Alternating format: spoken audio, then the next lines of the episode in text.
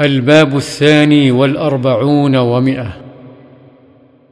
باب استحباب تشميت العاطس إذا حمد الله تعالى وكراهية تشميته إذا لم يحمد الله تعالى وبيان آداب التشميت والعطاس والتثاؤب. عن أبي هريرة رضي الله عنه. أن النبي صلى الله عليه وسلم قال إن الله يحب العطاس ويكره التثاؤب.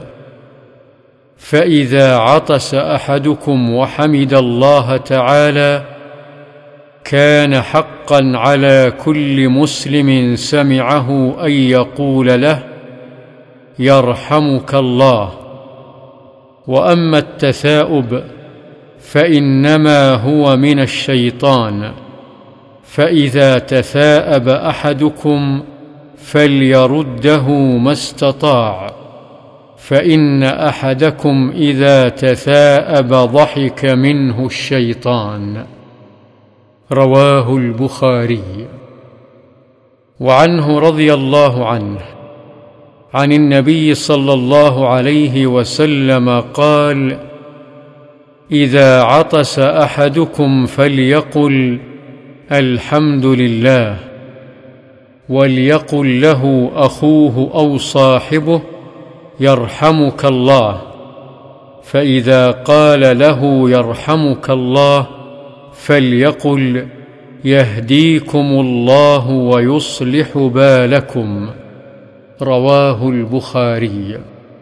وعن أبي موسى رضي الله عنه قال سمعت رسول الله صلى الله عليه وسلم يقول إذا عطس أحدكم فحمد الله فشمتوه فإن لم يحمد الله فلا تشمتوه.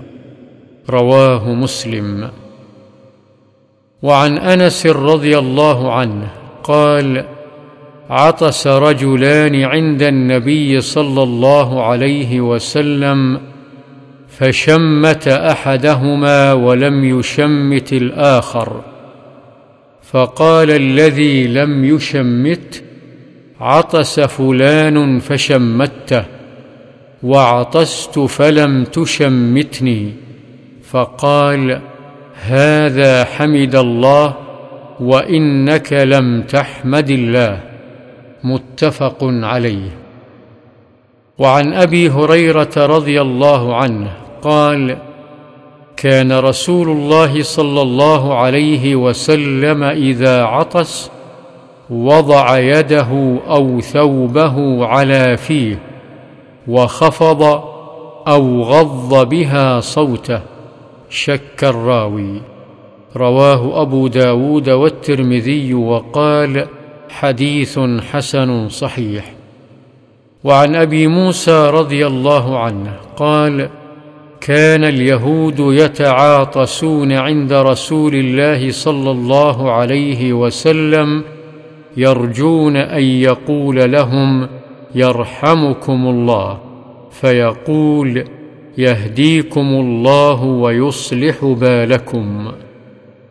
رواه أبو داود والترمذي وقال حديث حسن صحيح. وعن أبي سعيد الخدري رضي الله عنه قال قال رسول الله صلى الله عليه وسلم إذا تثاءب أحدكم فليمسك بيده على فيه فإن الشيطان يدخل. رواه مسلم.